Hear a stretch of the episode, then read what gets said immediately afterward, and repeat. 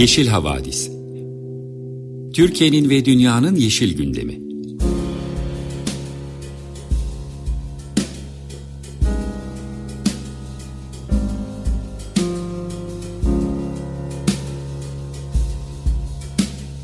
Hazırlayan ve sunanlar Selin Uğurtaş ve Arca Yılmaz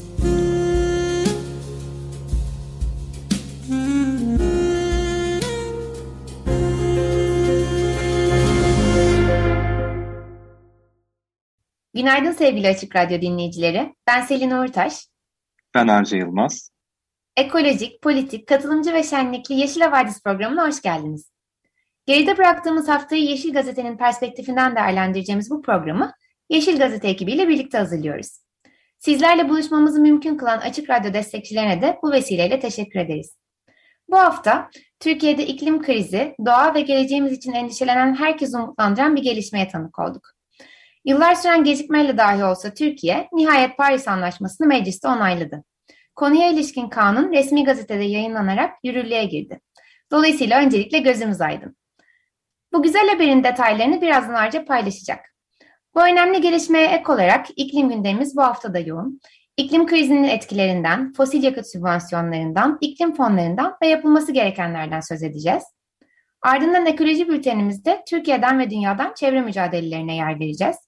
Bunlardan biri Asos'ta devam eden yıkım.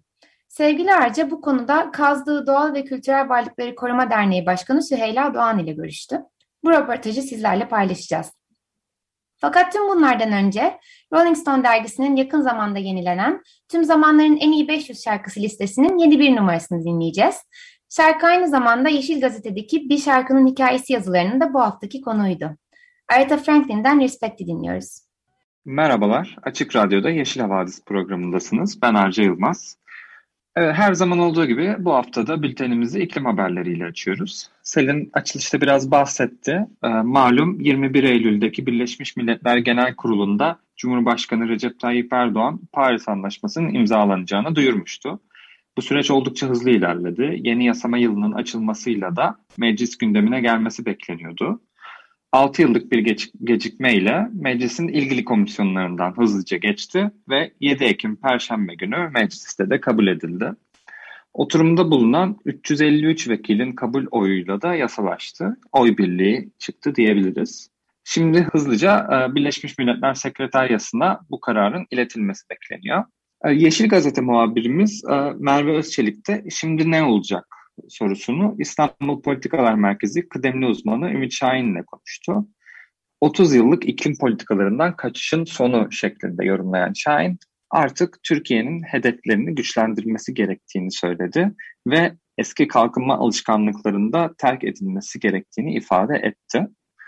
E, mecliste oy birliğiyle kabul edilmiş olmasına rağmen Paris Anlaşması'nın ne anlama geldiğini Yeşiller hariç siyasi partilerin çok iyi bilmediğine de vurgu yaptı.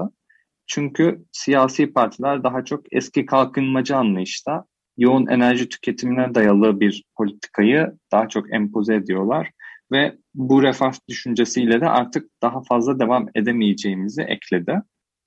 Yeşil Gazete editörü Elif Ünal da Yeşiller Partisi eş sözcüleriyle konuyu konuştu. Koray, Koray Doğan Urbarlı gecikmeye vurgu yaptı ve meclisteki milletvekillerinin bu süreçten dolayı biraz şaşkın olduğunu, ne yapacaklarını bilemediklerini ve nasıl tavır alacaklarına karar veremediklerini söyledi. E, Emin Özkan ise ancak yeşil politikaları hayata geçirerek köklü ve onarıcı sonuçlar elde edebiliriz dedi. Aslında Paris Anlaşması'nın meclise gelmesinden önce de enteresan bir gelişme olmuştu. Milli Güvenlik Kurulu'nda iklim krizi de ele alındı. E, açıklanan MGK bildirisinde iklim değişikliği tehdidine karşı küresel düzeyde ortak mücadele edilmesi gerektiği söylendi. Hmm, sanırım böylece ilk kez iklim değişikliği bu düzeyde bir güvenlik kaygısı olarak da ele alınmış oldu bu bildiride, bildiriye dahil edilmesiyle. Şimdi biraz da dönüşüm odaklı haberlere göz atalım. Yeşil dönüşümün şirketler tarafından en çok gündeme getirilen konusu tabii ki fon mevzusu ve para oluyor. Ee, IMF'nin elinden çıkan iki farklı durum raporu var elimizde. Bu Yeşil Gazete'ye de gündem oldu. Ee, ilki biraz daha iyiye bir işaret. iklim değişikliğine odaklı yatırım fonlarının büyüklüğü 2019'un son çeyreğinde 57 e, milyar dolarken 2020 ayının 2020'nin aynı döneminde 133 milyar dolar olmuş. Yani yaklaşık 3 kata yakın bir artış var. Net sıfır hedefinin çok uzağında olsa da önemli olduğunu düşünüyoruz bu artışın. Bu tabii yeşil yatırımlar diyebileceğimiz kısmı mevzunun. Tabii ki bütçeler sadece iklim odaklı harcanmıyor ve ateşe körükle de gidiliyor. Bahsettiğim diğer raporda buna biraz işaret ediyor ve altını çiziyor. IMF'ye göre fosil yakıt endüstrisi dakikada 11 milyon dolarlık sübvansiyonlardan yararlanıyor. Kömür, petrol ve doğalgaz üretimi ve kullanımı 2020 yılında 5.9 trilyon dolar destek almış. Bu raporun baş yazarlarından Ayn Perry, bazı ülkelerin yoksullara zarar vereceği gerekçesiyle enerji fiyatlarını yüksek tutmak istemediklerini söylüyor. Ancak Perry'e göre bu yol sadece varlıklı gruplara fayda sağlıyor. Yani yoksullar yine bu sübvansiyonlardan dolaylı da olsa olumlu açıdan etkilenmiyorlar. Ee, Perry bu sübvansiyonların e, doğrudan yoksul ve savunmasız insanlara yardım etmeye yönlendirilmesinin daha akıllıca olduğunu söylemiş. Sübvansiyonlara rağmen e, piyasa odaklı sistemde bazen kömür fiyatı artışı tabii engellenemiyor. Örneğin Türkiye'de Eylül ayında fiyatı en çok artan ürün kömür olmuş. TÜİK'in verilerine göre bu artış oranı da %33.72. Elimizde net bir veri olmasa da bunun ithal kömür kaynaklı olduğunu tahmin edebiliriz aslında. Çünkü yakın zamanda başka bir haber çıkmıştı. 2020 Eylül'den itibaren ithal kömürde fiyat tarifesi hızla yükselmeye başlamıştı. Ve artış bir yılda 3,5 kat olmuştu. E şöyle ki geçen Eylül'de 50 dolardan getirilen bir ton, bir ton kömürün fiyatı Eylül ayında 170 doların üzerine çıktı. Hatta ithal kömürle çalışan santrallerde durma noktasına gelmişti. Artık e, fiyat artışı son tüketiciye son tüketiciye de e, hani yeni yeni yansımış görünüyor TÜİK'in verilerine göre. İklim için dönüşmesi gereken sektörlerin başında e, hava yolu geliyor. Tabii malum yüksek emisyonlar ve fosil yakıta bağlı bir ulaşım türü ve bir endüstri. Buna karşı Almanya'da yeni bir yakıt üretim tesisi açıldı güçten sıvıya yani e, power to liquid denilen bir yöntem kullanılıyor. Aslında çok yeni bir yöntem de değil. E, bu yöntemle sentetik yakıt ya da e, metanol üretiliyor. Üretim sürecinde elektrik, su ve karbondioksit kullanılıyor. Önce ara ürün olarak hidrojen üretiliyor. Ardından son ürün sentetik yakıt oluyor. Çok fazla teknik detaya boğmadan toparlamak gerekirse aslında kullandığınız malzemelerin özelliklerine göre net sıfır emisyona yakın bir ürün elde etmek mümkün bu yöntemle. Eğer elektrik yenilenebilirden gelirse, işte baca çıkışlarından gelen atık karbondioksit gazı kullanılırsa mesela toplam toplam karbon salımı çok düşük oluyor. Ama yani bir noktayı da kaçırmamak gerek. Hani mevzu sadece karbondioksit değil tabii ki. Ee, başka kirleticiler bu şekilde yine havaya karışıyor ee, onları engellemek pek mümkün olmuyor bu yöntemde. Tabii e, bu gelişmelerin yanında yakuluş bir yandan da devam ediyor. Küresel Mercan Resifi İzleme Ağı tarafından yayınlanan bir çalışmaya göre dünya genelindeki mercan resifinin %14'ü 10 yıldan kısa bir sürede yok oldu. Mercan resifinin durumu analiz edildiği en büyük araştırma olduğu belirtilen çalışmada 73 ülkeden 300 bilim insanı veri toplamış ve bu çalışmada 2008 ile 2019 yılları arasında yürütülmüş. Ee, benim aklıma müsilajın da etkilediği Marmara'daki mercan popülasyonları geldi mesela. Ee, tabii ki doğrudan alakalı değil burada daha iklim krizi odaklı bir e, araştırma yapılmış ama Marmara'daki popülasyonlar da ciddi bir şekilde etkilenmişti. Ee, bu gibi felaketlere karşı harekete geçilmesi çağrısı da e, farklı çevrelerden yanıt bulabiliyor. Farklı gruplarda yaratıcı şekilde protesto gerçekleşiyorlar, gerçekleştiriyorlar. Ee, Fransız moda devi Louis Vuitton'un Paris'teki moda haftası kapsamında Louvre Müzesi'nde düzenlediği bir defile vardı.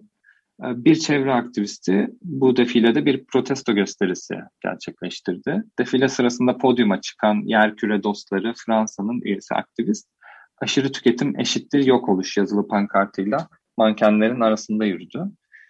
Pankarta baktığımızda da e, altında yok oluş isyanı, e, yeryüzü dostları ve e, iklim için gençler Fransa amblemlerini görebiliyoruz. İklim haberlerine son olarak iyi bir haberle kapanış yapalım istedik. Afrika'da tahmin edilenden daha fazla ağaç olduğu e, gözlemlenmiş ve e, araştırmalar sonucunda açığa çıkarılmış. Birleşmiş Milletler Gıda ve Tarım Örgütü FAO ile e, Google işbirliği ile yapılan araştırmalar neticesinde ortaya çıkan hesaplamalar var ve bu hesaplamalarda 7 milyardan fazla yeni ağaç tespit edilmiş. Tabii yoktan var edilmiyor. Sadece yeniden e, hesaplamalarla fark edilmeyen açığa çıkıyor. Bu çalışmada 350'den fazla uzman ve bilim insanı katılmış. Kıta genelinde 88 binden fazla bölge incelenmiş. Bu haberle birlikte iklim bültenimizi sonlandırıyoruz. Şimdi bir müzik arası verelim. Junior'dan A La şarkısını dinleyeceğiz. Ardından Selin ekoloji haberleriyle devam edecek. Tekrar merhaba. 95.0 Açık Radyo'da Yeşil Havadisi dinliyorsunuz. Ben Selin. Bültenimize haftanın önemli ekoloji haberleriyle devam ediyoruz. İlk sırada Türkiye Gazetesi'nden Ebru Karatos'una röportaj veren ve bir çevre suçu tanımı öngördüklerini duyuran Türkiye Büyük Millet Meclisi Sanayi ve Ticaret Komisyonu Başkanı Ziya Altunyaldız'ın açıklamaları var. Bu habere göre çevreyi kirletenler bedelini ödeyecek ve iklimden zarar görenler de hayat haklarının ihlali gerekçesiyle dava açabilecek. Tabii bu henüz plan aşamasında olsa da gayri ihtiyari insana hali hazırda devam eden mücadeleler için ne anlama geleceğini de düşündürüyor. Sıradaki üç haberimiz de buna iyi örnekler teşkil ediyorlar. İlk sırada Sözcü gazetesinden Evren Demirtaş'ın haberi var. Haberde Elazığ'ın Maden ilçesine bağlı Çayırköy'de faaliyet gösteren bir maden şirketinden bahsediliyor. Şirketin dinamit patlatması sonucu köyün su kaynaklarının zarar gördüğü ve üç vatandaşın yarar, yaralandığı aktarılmış. Gazeteye konuşan Çayırköy muhtarı Emre Özdağ, son bir yıl boyunca haftada 7-8 ton dinamit patlatıldı iddiasında bulunmuş. Muhtara göre bu süreçte 30 ev hasar görmüş, iş makineleri nedeniyle köy yolu çökmüş e, ve su kaynakları maden çalışması yapılan yöne kaydığı için köyün su kaynakları kurumuş. Yakın zamanda gerçekleşen bir patlamadaysa 3 kişinin yaralandığını ileten Özdoğan bu konuda suç duyurusunda bulunduklarını iletmiş. Bir başka mücadele ise Muğla İkizköy'de devam ediyor. Yeniköy Kemerköy termik santrallerine yakıt sağlayan niyet madeni sahalarının genişletilmesi isteniyor. Sahayı genişletmek isteyen şirket mahkemenin yürütmeyi durdurma kararına rağmen çalışmalarına devam ediyor. Bu hafta alana gelen bir dozer, Işıkdere mahallesindeki koca çayın yatağını değiştirmek için çalışmaya başladı. Bölge halkı mahkeme kararını hatırlatarak çalışmaları durdurtup tutanak tutturdu. Yeşil Gazete'den Elif Ünal'a konuşan, bizim de üçüncü bölümümüzde söyleştiğimiz Necla Işık, konuyla ilgili suç duyurusunda bulunduklarını ve çalışmaların şimdilik durdurulduğunu söyledi. Ancak kısa süre sonra çalışmaların gece vakti devam ettiği haberi geldi.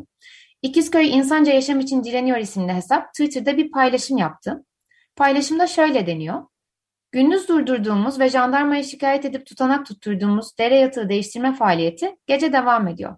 Jandarma bir şey yapamam diyor, savcı benim işim değil diyor. Kocaçay bu gece bir daha geri gelmemek üzere yatağından ediliyor. Muğla Valiliği uyuyor mu? İkizköylüler aynı zamanda yatağı bozulan Kocaçay'ın yağmurlar başladığında taşkın ve sel tehlikesi taşıyabileceği konusunda da uyarıda bulunuyorlar. Bu olası çevre suçları kapsamında bir diğer önemli haberimiz Marmara Denizi'ndeki kirlilik. Konuyla ilgili 10 Haziran'da Türkiye Büyük Millet Meclisi Müsilaj Sorununu Araştırma Komisyonu kurulmuştu. Komisyon bu hafta görüşmelere başladı. Bu komisyona seslenen çevreci sivil toplum örgütü Greenpeace, Marmara Denizi'nin kirlilik sorununun çözülebilmesi için Ergene Havzası Koruma Eylem Planı'nın durdurulması gerektiğini söyledi. Müsilaj sorununun aşırı kirliliğinin kirliliğin bir sonucu olduğunu vurgulayan Greenpeace, hem birçok tesisin hem de Marmara etrafındaki şehirlerin atıklarını denize boşalttığını hatırlattı. Greenpeace'in bahsettiği Ergene Havzası Koruma Eylem Planı'nın ilk etabı e, yani derin deşarj sistemi doğu hattı hizmete geçmiş durumda. E, ve böylece Ergene Nehri'nin e, zehirleyen, Ergene Nehri'ni zehirlediği uzun süredir konuşulan atık sular artık Marmara Denizi'ne boşaltılıyor.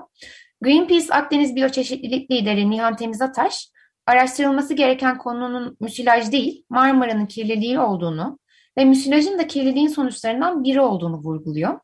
Ataş'ın açıklamasındaki bazı ifadeler şöyle. Ergene'yi kurtarmak için 3000 aşkın sanayi tesisinin kompleks kimyasal atıkları yaklaşık bir yıldır Marmara Denizi'ne boşaltılıyor. Boşaltımın başladığı günden bu yana toplu balık ölümleri ve müsilajın oluşması tesadüf değil.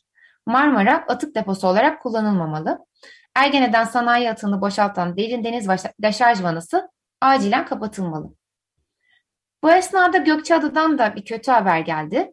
Türkiye'nin tek sualtı milli park içerisinde yer alan Yıldız Koy, e, yeni onaylanan imar planı ile birlikte imara açılması tehlikesiyle karşı karşıya kalmış durumda.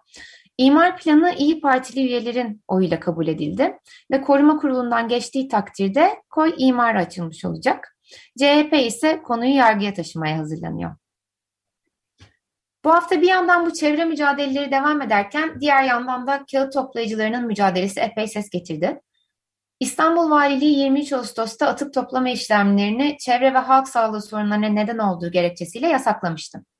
Bu hafta boyunca da bu yasak kapsamında baskınlar, gözaltılar ve bunlara karşı düzenlenen eylemler devam etti. İlk olarak Ümraniye'deki atık kağıt depolarına baskın yapıldı. Direnen işçilerden bazıları gözaltına alındı ve 3 işçi hakkında tutuklama kararı çıktı. Ardından Ataşehir'de 49 ayrı adrese eş zamanlı operasyon düzenlendi ve ülkeye kaçak yollarla girdikleri iddia edilen kağıt toplayıcıları Tuzla Göçmen Toplama Merkezi'ne götürüldü. Gazeteci Emre Orman'a göre baskınlarda 200'e yakın işçi gözaltına alındı, barakaları yıkıldı ve çekçek arabalarına el konuldu. Son olarak Sancaktepe'de de 36 adrese eş zamanlı operasyon düzenlendi ve yine aynı uygulamalar yapıldı. Ee, bu meselede kağıt toplayıcılar adına açıklama yapan Mahmut Aytar, çekçekçilerin geri dönüşüme katkıda bulunduğunu ve çevreye fayda sağladıklarını belirtti ve gelirlerinin haksız kazanç değil alın teri olduğunu söyledi. Bir düşünün, önünden geçerken burnunuzu kapattığınız çöplerin içinde mecbur olması kim? En önemli şeyini, sağlığını bile tehlikeye atarak sigortasız, güvencesiz, yarı aç yarı tok çalışır diye soran Aytar, çalıp çırpmadan, kimseye avuç açmadan onurumuzla yaşamak için bulabildiğimiz tek şey olan bu işi yapıyoruz diye konuştu. Aytar e, bu süreçte göçmenlerin cezalandırılmasına da tepki gösterdi ve göçmenlerin bu alanda çalışmalarının sorumlusunun onların bireysel kararları değil, ülkenin göç politikaları olduğunu söyledi ve yoksulun halinden yoksul anlar dedi. Bu haftanın bir diğer önemli gündem maddesi ise yeni nükleer santraller kurulması meselesiydi. Bu konu Erdoğan ile Putin'in Soçi'de yaptıkları görüşmede gündeme gelmiş. Erdoğan Putin'e iki yeni nükleer santral yapılmasını önermişti. Bu konuda açıklama yapan nükleer karşıtı platform hem nükleer santralleri hem de nükleer santral yapımında yine Rusya'nın kapısının çalınmasını eleştirdi. Ee, bu konuda Yeşiller Partisi eş sözcüsü Emine Özkan da yeni nükleer santrallerin bedelinin ağır olacağı uyarısında bulundu ve enerjide Rusya'ya giderek daha bağımlı hale gelindiğini aktardı. Nükleerin maliyetinin de tüketiciye yükleneceğini söyleyen Özkan, bugün elektriğin 4,5 dolardan alınıp tüketiciye 5,5 dolardan satıldığını, fakat Akkuyu nükleer santralinden alınacak elektriğin 12 dolar 35 sent olacağını vurguladı. Bu arada Akkuyu nükleer davasında da gelişmeler var. Ee, bilirkişi heyetinde yer alan akademisyenlere yönelik ve yok aleyhinde dava açıldı. Ee, çünkü bu raporun hukuka, bilime ve yüksek öğretim kanununa aykırı hazırlandığı iddia edildi. Heyetin bilirkişilikten men edilmesi ve cezalandırılması istendi. Akkuyu'da görevli 15 kişiye yönelik gerekli örnekleri almadıkları, sağ zeminindeki dayanıksızlığı etüt etmedikleri ithamları vardı. Ancak yine de bu 15 kişiden 7'si Sinop Nükleer Santral Projesi'ne karşı açıdan davada yeniden görevlendirilmişlerdi bilirkişi olarak. Ee, dolayısıyla e, bu davayı da izlemek gerekiyor. E, şimdi nükleer konusundaki bu gelişmeleri anlamamıza katkı sağlayabilecek bir rapor 28 Eylül'de açıklandı. 2021 Dünya Nükleer Endüstri Durum Raporu hakkında Pınar Demircan'ın imzalı oldukça detaylı bir yazı yayınlandı Yeşil Gazete'de. Şimdi bu yazıdan bazı başlıklar paylaşacağım. E, bu rapora göre dünyada 33 ülkede aktif çalışan 415 nükleer reaktör bulunuyor. Nükleer enerji üreten 5 büyük ülke, yani Amerika Birleşik Devletleri, Çin, Fransa, Rusya ve Güney Kore, toplam nükleer enerji üretiminin %72'sinden sorumlu. Analiz 2001 ile 2020 yılları arasında 95 reaktörün devreye alındığını, 98 reaktörün ise devreden çıkarıldığını gösteriyor. Ancak bu sürede Çin'de 47 reaktör operasyona başlarken devreden çıkan reaktör olmadı. Rapor aynı zamanda nükleer enerji iklim krizine dirençli mi sorusuna da yanıt veriyor. sürekli soğutma suyuna ihtiyaç duyan bu santrallerin özellikle kuraklığa dirençli olmadığı ve sık sık devreden çıkarak verim düşüklüğüne neden olduğu da vurgulanmış.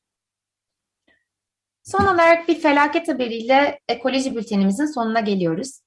Amerika Birleşik Devletleri'nde Kaliforniya'daki Huntington Beach Belediye Başkanı 3 Ekim'de bir basın toplantısı düzenledi ve 3000 varilden yani 409 e, tondan fazla ham petrolün 33 kilometrelik kilometre karelik bir alana yayıldığını duyurdu. Müdahalelerle 27 kilometrelik petrol hattı kapatılıp boşaltıldı. Bölgedeki sahiller ve balık çiftlikleri de kıyıları kaplayan petrol nedeniyle kapatıldı. CNN'e konuşan bir yetkiliye göre bölgedeki ekoloji koruma alanı Talbot Marsh'ta petrolle kaplandı ve ekipler bölgedeki canlıları kurtarmak için mücadele veriyorlar. Doğal hayat uzmanları etkilenen bölgede karlı cılıbıt kuşu, Kaliforniya deniz kırlangıcı ve kambur balina gibi tehdit altında türler bulunduğuna dikkat çekiyorlar. Maalesef ölen kuş ve balina balıklar da şimdiden kıyıya vurmaya başlamış. Bu felaketin gerçek boyutlarının önümüzdeki haftalarda anlaşılacağı ancak etkilerinin yıllarca sürebileceği söyleniyor. Bu haberle birlikte ekoloji bültenimizi tamamlamış oluyoruz. Şimdi kısa bir müzik arasından sonra haftanın röportajını dinleyeceksiniz. Geçtiğimiz haftada bahsettiğimiz gibi Asos Antik Limanı'nın limanında kıyı islahı adı altında ciddi bir tahribat yapılıyor. Bu konuda Arca Kazdığı Doğal ve Kültürel Varlıkları Koruma Derneği Başkanı Süheyla Doğan ile görüştü. Bu önemli röportaja geçmeden önce kısa bir müzik arası veriyoruz. Anda'nın Kıyı Kuşları parçasını dinleyeceğiz. Merhaba sevgili Açık Radyo dinleyicileri. Yeşil Havadis programındayız. Ee, bu hafta Kaz Dağı Doğal ve Kültürel Varlıkları Koruma Derneği'nden Süheyla Doğan bizimle birlikte. Merhaba Süheyla Hanım, hoş geldiniz. Merhabalar. Ee, geçen hafta Asos'ta liman projesini koruma adına bir e, proje başlattı e, bakanlık ve orada e, falezlerde bir çalışma vardı. Çok bir yıkıma da yol açtı bu çalışma. Biz bununla alakalı Söyle Hanım'la konuşmak istedik. Ee, bir tam olarak Asos'ta neler oluyor bize anlatabilir misiniz? E, tabii ki memnuniyetle. E, geçtiğimiz yıllarda işte 2015 yılında ilki e, Asos'ta antik liman üzerine e, yamaçlardan taş ve kaya düştüğü işte haberlere yansıdı. Taşlardan bir tanesi de otellerden birinin çatısına düşmüş. Yani sevindirecek herhangi bir can ve mal kaybı işte olmamış. E, otel sahipleri de e, bu can ve mal güvenliğinin sağlanması için e, yamaçların ıslahını talep etmek üzere valiliğe başvurmuşlar Çanakkale Valiliğine. Ee, Çanakkale Valiliği e, konuyu İl Afet Müdürlüğü'ne intikal ettirmiş. İl Afet Müdürlüğü bölgede işte inceleme yaptıktan sonra e, yapılacak olan e, inşaatın ihale dokümanlarını ve teknik şartnamesini hazırlamak üzere bir ihaleye çıkmış. İhaleyi de Dynamics Engineering diye bir şirket almış. E, şirket Trabzon merkezli görünüyor. İki tane e, Arap isimli genç mühendisler çalışıyor, görünüyor, sahibi görünüyor şirketin. E, şirket e, konuyla ilgili şartnameyi hazırlıyor, teknik e, dokümanları hazırlıyor ihale evrakın dokümanlarını hazırlıyor. Ondan sonra da e, bu işi ihale edecek bir kurum arıyor valilik. E, Ayvacık Kaymakamlığı Köylere Hizmet Götürme Birliği diye bir birlik var. Esas olarak köylerin ihtiyaçlarını gidermeye e, çalışan bir birlik. Bütçesi de muhtarlar, muhtarlıkların kaynaklarından ve işte kaymakamlıktan oluşuyor. Onlar tarafından sağlanıyor. Normalinde e, böyle çok az bütçesi olan köylere bile zar zor hizmet veren bir kurum ve herhangi bir teknik donanımı falan da yok. E, o birim üzerinden ihaleyi gerçekleştiriyorlar ve Nida İnşaat diye bir şirkette ihaleyi alıyor yapım ihalesini. E, Kasım 2020 gibi e, raporlar hazırlanıyor. E, ilgili koruma kurullarından onaylanıyor. E, bu onaylandığı bilgileri e, de e, şartnamenin giriş bölümünde yer alıyor. İncelediğimiz zaman dokümanları. Ee, sonra Mart'ta ihale gerçekleştirilip Nisan 2021'de inşaata başlanıyor. İnşaata başlanmadan evvel e, Çanakkale Valiliği bölgeyi afet bölgesi ilan ediyor. E, ondan sonra bölgeye kesinlikle e, inşaat faaliyeti dışında giriş çıkışlar yasaklanıyor. Bütün turizm tesisleri, bölgedeki tesisler kapatılıyor. E, yalnızca yaşayanların sanıyorum evlerine zaman zaman girmeleri için izin verilebiliyor. Evlerini kontrol etmeleri için ama yaşamaları için izin verilmiyor. E, bizler de giriş çıkış yasak olduğu için, e, afet bölgesi ilan edildiği için orada ne yapıldığını e, bir türlü göremedik ihale sonrası gelişmeleri. E, ta ki epey bir süre sonra bize gelen bir fotoğraf üzerine e, büyük bir yıkım olduğunu e, gördük. Ve arkadaşlarımız tekne kiralayarak açıktan, denizden e, bölgeye giderek e, gözleriyle de görerek o büyük yıkımı, katliamı fotoğraf ve işte videolar falan çektiler. Hemen onları işte kamuoyuna basına servis ettik e, ve durumun vehametini gösterdik. E, hemen ilgili kurumlara dilekçeler hazırladık. Çanakkale Kültür Varlıklarını Koruma Kurulu, Çanakkale Valiliği, Ayvacık Kaymakamlığı gibi hemen e, öncelikle bu yıkımın durdurulmasını e, talep ettik ve bu hale gelmesinde sorumlu olan e, kurumların da e, soruşturmasını ve cezalandırmasını istedik. Cumhuriyet Savcılığına yaklaşık 40 imzalı bir suç duyurusunda bulunduk. Hem derneğimiz hem de bireysel katılımcılarla beraber ve e, savcılık önünde basın açıklaması gerçekleştirdik. Sonra birkaç gün bekledik ama alandan kamyonların falan çıktığını görünce gözümüzde bir kez daha görelim faaliyet devam ediyor mu diye bir yerden bir şekilde alana girmeyi başardık ve iş makinelerinin hemen üst kısmına kadar yaklaşıp yine fotoğrafladık ve videolarını falan çektik. Gerçekten çok e, yakından o kırıcıların, kepçelerin oraları mahvettiğine tanık olduk ve çok üzüldük. Yıkım falan hala devam ediyordu. Ee, onun üzerine e, işte eylemlerimizi hızlandırdık. Ee, bir basın açıklamasında çağrıda bulunduk.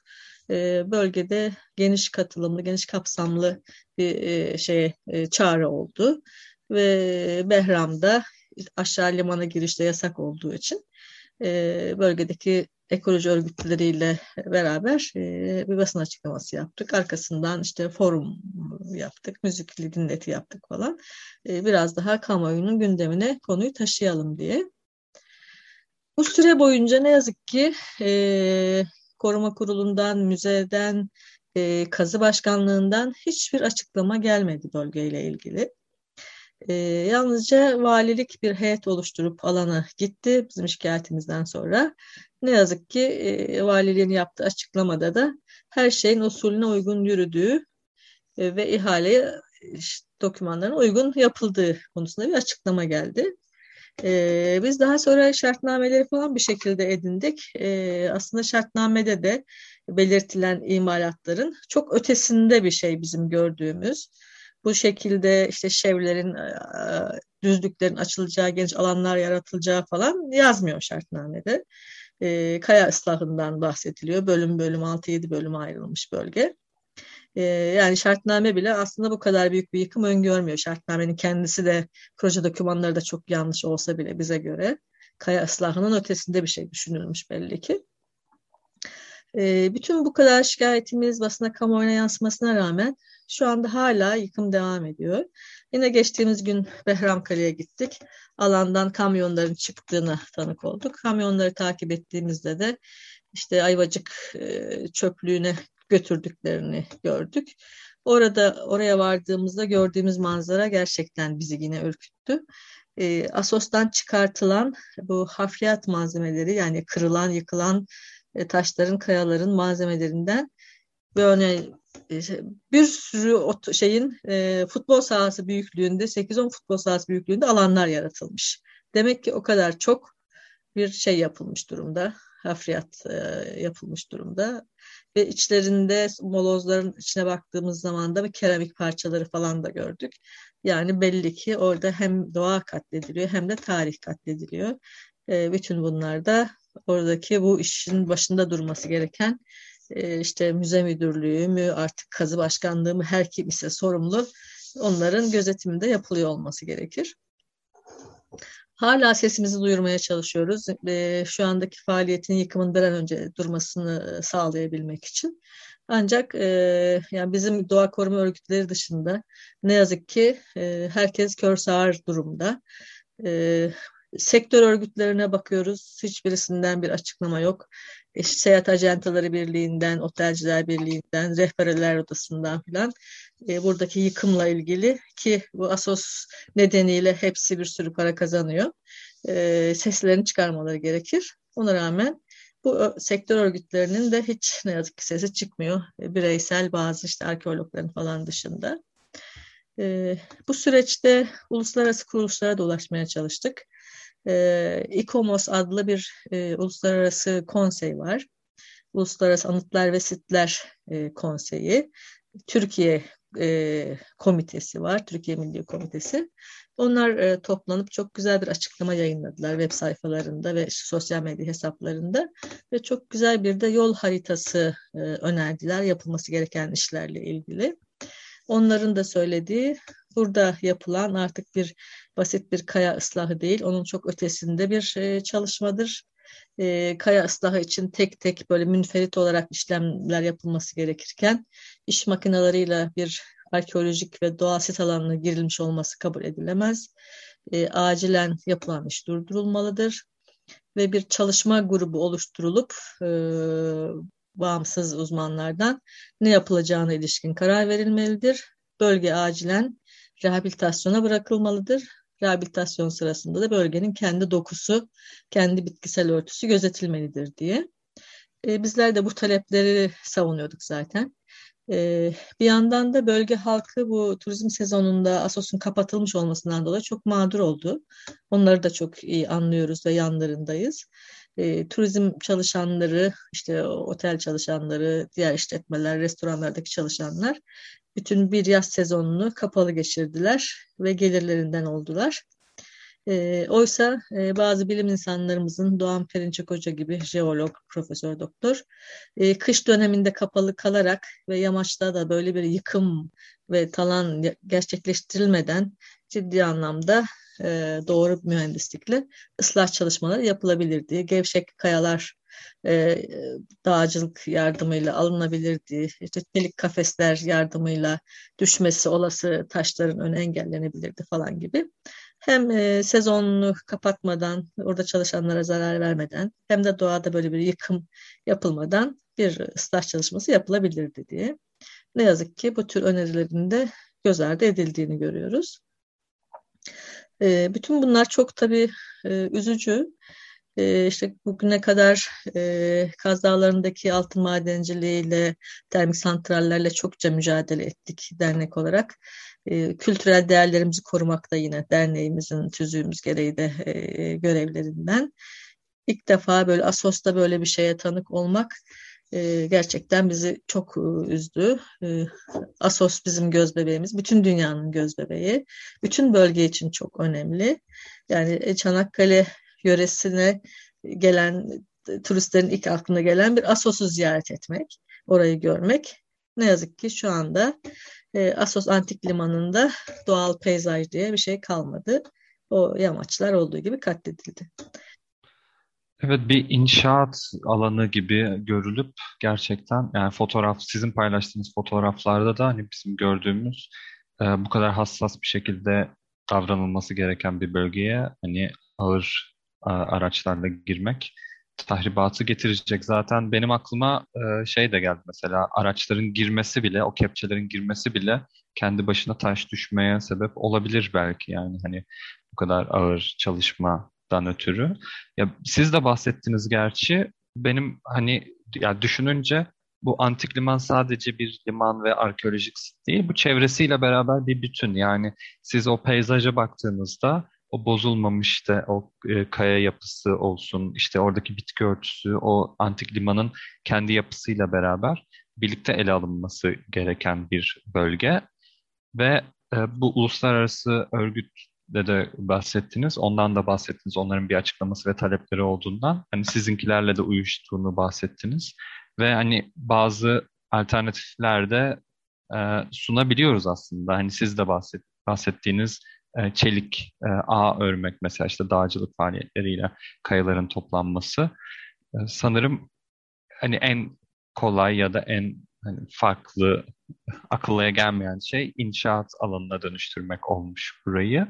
Benim bir de e, medyada çıkan bir başka nokta vardı. Bir otopark inşaatı öngörülüyormuş sanırım. Ona dair e, bir bilgi var mı ya da bu doğru mu? Onu da bir teyit edelim sizden. Şimdi gördüğümüz kadarıyla zaten hani gözümüzle de gördük yukarıdan e, çok geniş alanlar açılmış durumda. Normalinde bir yamaçta işte taş düşmesini engellemek için bu kadar geniş alanlara, bu kadar geniş yollara açmaya gerek yoktu diye düşünüyoruz. E, bunun arkasında başka düşünceler olmalı. Projede de öngörülmeyen belki sonradan işte çeşitli baskılarla yapılan falan. Ee, biz de doğrudan bilgi sahibi değiliz ama Habertürk'te bir e, bölgedeki otelcilerden biriyle yapılmış bir söyleşi vardı. Orada e, gündeme gelmişti, e, okumuştuk. E, işte 12 bin metrekarelik bir otopark alanı ve işte ticari alanlar açıldı diye Sonrasında işte o, bu beyanatı veren şahısla yapılan bir telefon görüşmesinde fena mı işte bu kadar alan açılmış ne var ki falan e, dediğini e, duyuyoruz. E, demek ki oradaki bir iki otelcinin e, otellerine dibine kadar bir otopark alan talebi e, varmış ki inşaatçıları da işte belki ilgili şeyde kamu kurumlarını da ikna ederek böyle bir şey alan mı açtılar diye endişeleniyoruz. E, bölgede aslında e, kazı evine çok yakın çok büyük bir otopark var. Hiçbir zaman otoparkı da ben dolu görmedim. Çok sık gideriz Asos'a konuklarımız falan gelir. Her zaman boştur oradaki otopark. Yalnızca biraz mesafesi var otel alanına. Yani oraya konulabilecek bir servisle çok rahat ulaşım ihtiyacı karşılanabilirdi eğer otopark mevcut otopark uzak deniliyorsa. İlla otellerin dibine kadar bir insanları ulaştırmak zorunda değiliz. Orası bir antik liman. Araçların bile aslında girmesinin yasak olması gerekir. E, ne yazık ki e, böyle o ihtiyaçtan mıdır nedir e, tam bir resmi açıklamada olmadığı için öngörülerimizle bu şekilde bir alan yaratıldı diye düşünüyoruz. Arkasından ne çıkacak tam da bilmiyoruz. E, net şeffaf bir şey yok çünkü. Bilgilendirme yok hiçbir kurum tarafından. Bu arada valilik e, Perşembe günü, geçtiğimiz Perşembe günü bir sektör toplantısı yaptı. E, Kültür Müdürlüğü'nün, Müze Müdürlüğü'nün ve sektör temsilcilerinin falan da katıldığı anlaşılıyor haberlere göre. E, o haberler sonrasında bir kurumun yaptığı açıklamada e, yine çok can sıkıcıydı bizler açısından. İşte örgütler hasta ameliyat masasındaki hastanın fotoğraflarını paylaştılar kamuoyuyla. Henüz işte daha şey bitmedi, faaliyet bitmedi, gerçek görünüm böyle olmayacak falan gibi e, katledilmiş bir doğayı hasta ameliyat masasındaki bir hastanın şeyiyle durumuyla böyle özdeşleştirmek falan gibi saçma sapan bir açıklamada oldu. E, yapılanları kamufle etmek için yapılan bir şey tabii söz. Nasıl orası o halden sonra nasıl rehabilite edilir oldukça zor. Artık katledilmiş durumda bütün doğa, bütün peyzaj, artı tarih. Evet, yani dediğiniz gibi ya başka amaçlarla kullanım planlanıyor belki ya da farklı bir peyzaj alanına yani doğal peyzaj değil ama yapay bir peyzaj alanına dönüştürme fikri olabilir.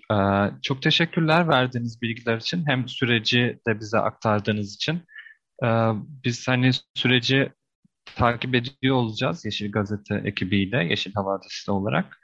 E, bu ya çalışmalarınızda da e, kolaylıklar diliyorum. Ben e, Yeşil Havadisi... E, çok sağ olun Süheyla Hanım bizimle birlikte e, programa katıldığınız için. Kaz Dağı Doğal ve Kültürel Varlıkları Koruma Derneği'nden Süheyla Doğan'la birlikteydik Yeşil Vadisi programında. E, şimdi bir şarkıyla devam edelim. The Beatles'tan Blackbird'ı dinleyeceğiz. Ardından programa kaldığı yerden devam edeceğiz. Hoşçakalın, iyi yayınlar. Merhaba, 95.0 Açık Radyo'da Yeşil Havadis dinliyorsunuz. Ben Selin. İklim ve ekoloji bültenleriyle röportajımızın ardından bültenimizin son bölümüyle devam ediyoruz. Geçtiğimiz haftalar kadın hakları açısından endişe verici gelişmelere sahne olmuştu. Dünyanın dört bir yanındaki olumsuz gelişmelerin yankıları bu haftada devam etti. Biliyorsunuz Londra'da Sarah Everard cinayeti çok haklı protestolar neden olmuştu. Genç kadın 3 Mart akşamı evine giderken bir polis tarafından kaçırılarak öldürülmüştü. Bu tabii kadınların hiçbir yerde güvende olmadıkları, polislerin kadınlar için tehlike oluşturduğu tartışmalarına yol açmıştı. E, Sarah Everard için düzenlenen bir anlamada gözaltına alınan Patty Stevenson ise bir online tanışma uygulaması vasıtasıyla yaklaşık 50 polisin kendisiyle iletişime geçmeye çalıştığını açıkladı. BBC Türkçe'de yer alan habere göre Stevenson durumu bir çeşit bir çeşit gözdağı vermek olarak niteledi. Profillerinde üniformaları fotoğraf, üniformalı fotoğrafları var veya ben polisim yazmışlar diyen Stevenson, sizin yaşadığınız gibi korku duymadan yaşamayı isterdim fakat ben bir kadınım dedi. Türkiye'deki duruma dair de yine aylık kadın cinayeti çeteleri yayınlanmaya başlandı yeni ayın gelişiyle. Biyanet'in erkek şiddet çetelesine göre Eylül ayında ülkede 26 kadın öldürüldü. Bu kadınların 20'si evlerinin içinde katledildiler. Bu esnada Amerika Birleşik Devletleri'nde ise kadınların kürtaj hakkı mücadelesi devam ediyor. Eylül ayında Teksas eyaletinde hamileliğin 6. haftasından itibaren kürtaj yasaklanmış ve yasayı ihlal edenlere dava açılabileceği duyurulmuştu. Yasa tecavüz ve enses gibi durumlar için bile istisna sağlamıyor. Ve tabii kadınları başka eyaletlerde ya da tehlikeli koşullarda kürtaj olmaya iterek can güvenliklerini riske atıyor. Programımızın sonuna yaklaşırken 4 Ekim Dünya Hayvanları Koruma Günü nedeniyle Bağımsız Hayvan Hakları Topluluğu'nun yaptığı bir eyleme de değinmek istiyoruz. Topluluk uluslararası ününe kavuşmuş bir et restoranının yeni açılan Galata Şubesi önünde yaşam hakkına saygı duyu eylemi yaptı ve broşür dağıttı. Herkesi çiftliklerde esir gibi tutulan hayvanların yaşadığı şiddeti, çektiği acıları düşünmeye çağırıyoruz denilen açıklamada her yıl yaklaşık 100 milyar kara hayvanının eti için kesildiği ve sütüne, yumurtasına, derisine ve balına el konulmak için sömürüldüğü hatırlatıldı. Acıyı ve sevinci hissetme, yavrusunu koruma içgüdülerine sahip olan bu hayvanlar, üretim tesislerinde son derece kötü, kötü koşullarda esir tutulurken yaşam hakları ellerinden alınıyor dendi. Son olarak açıklanan Nobel ödüllerini duyurarak bitirelim. 2021 Nobel Fizik Ödülü 3 bilim insanına verildi. Ödülün bir yarısına layık görülen Japonyalı meteorolog ve klimatolog Suyukuro Manabe ile Alman oşinograf ve iklim modelleyicisi Klaus Hasselmann iklim üzerine çalışıyorlar. Manabe'nin küresel ısınmayı hatasız öngördüğünden ve Hasselmann'ın karmaşık sistemlerin kavranmasına ezber bozan katkı sunduğundan bahsedildi. Nobel Edebiyat Ödülü'nün kazananı ise Abdülrazak Gürnah oldu. Gürnah'ın kültürler ve kıtalar arasındaki uçurumda sömürgeciliğin etkilerine ve mültecilerin kaderine kesin ve merhametli şekilde nüfuz etmesi nedeniyle ödüle layık görüldüğü belirtildi. Böylelikle bültenimizin son bölümünün de sonuna gelmiş oluyoruz. Kısa bir müzik arasının ardından sizlere veda edeceğiz. Öncesinde Nick Drake'den Saturday Sun'ı dinliyoruz.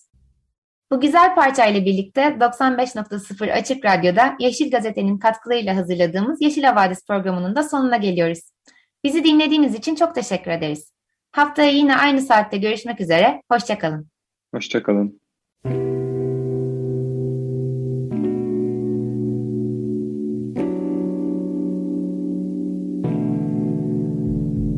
Yeşil Havadis Türkiye'nin ve dünyanın yeşil gündemi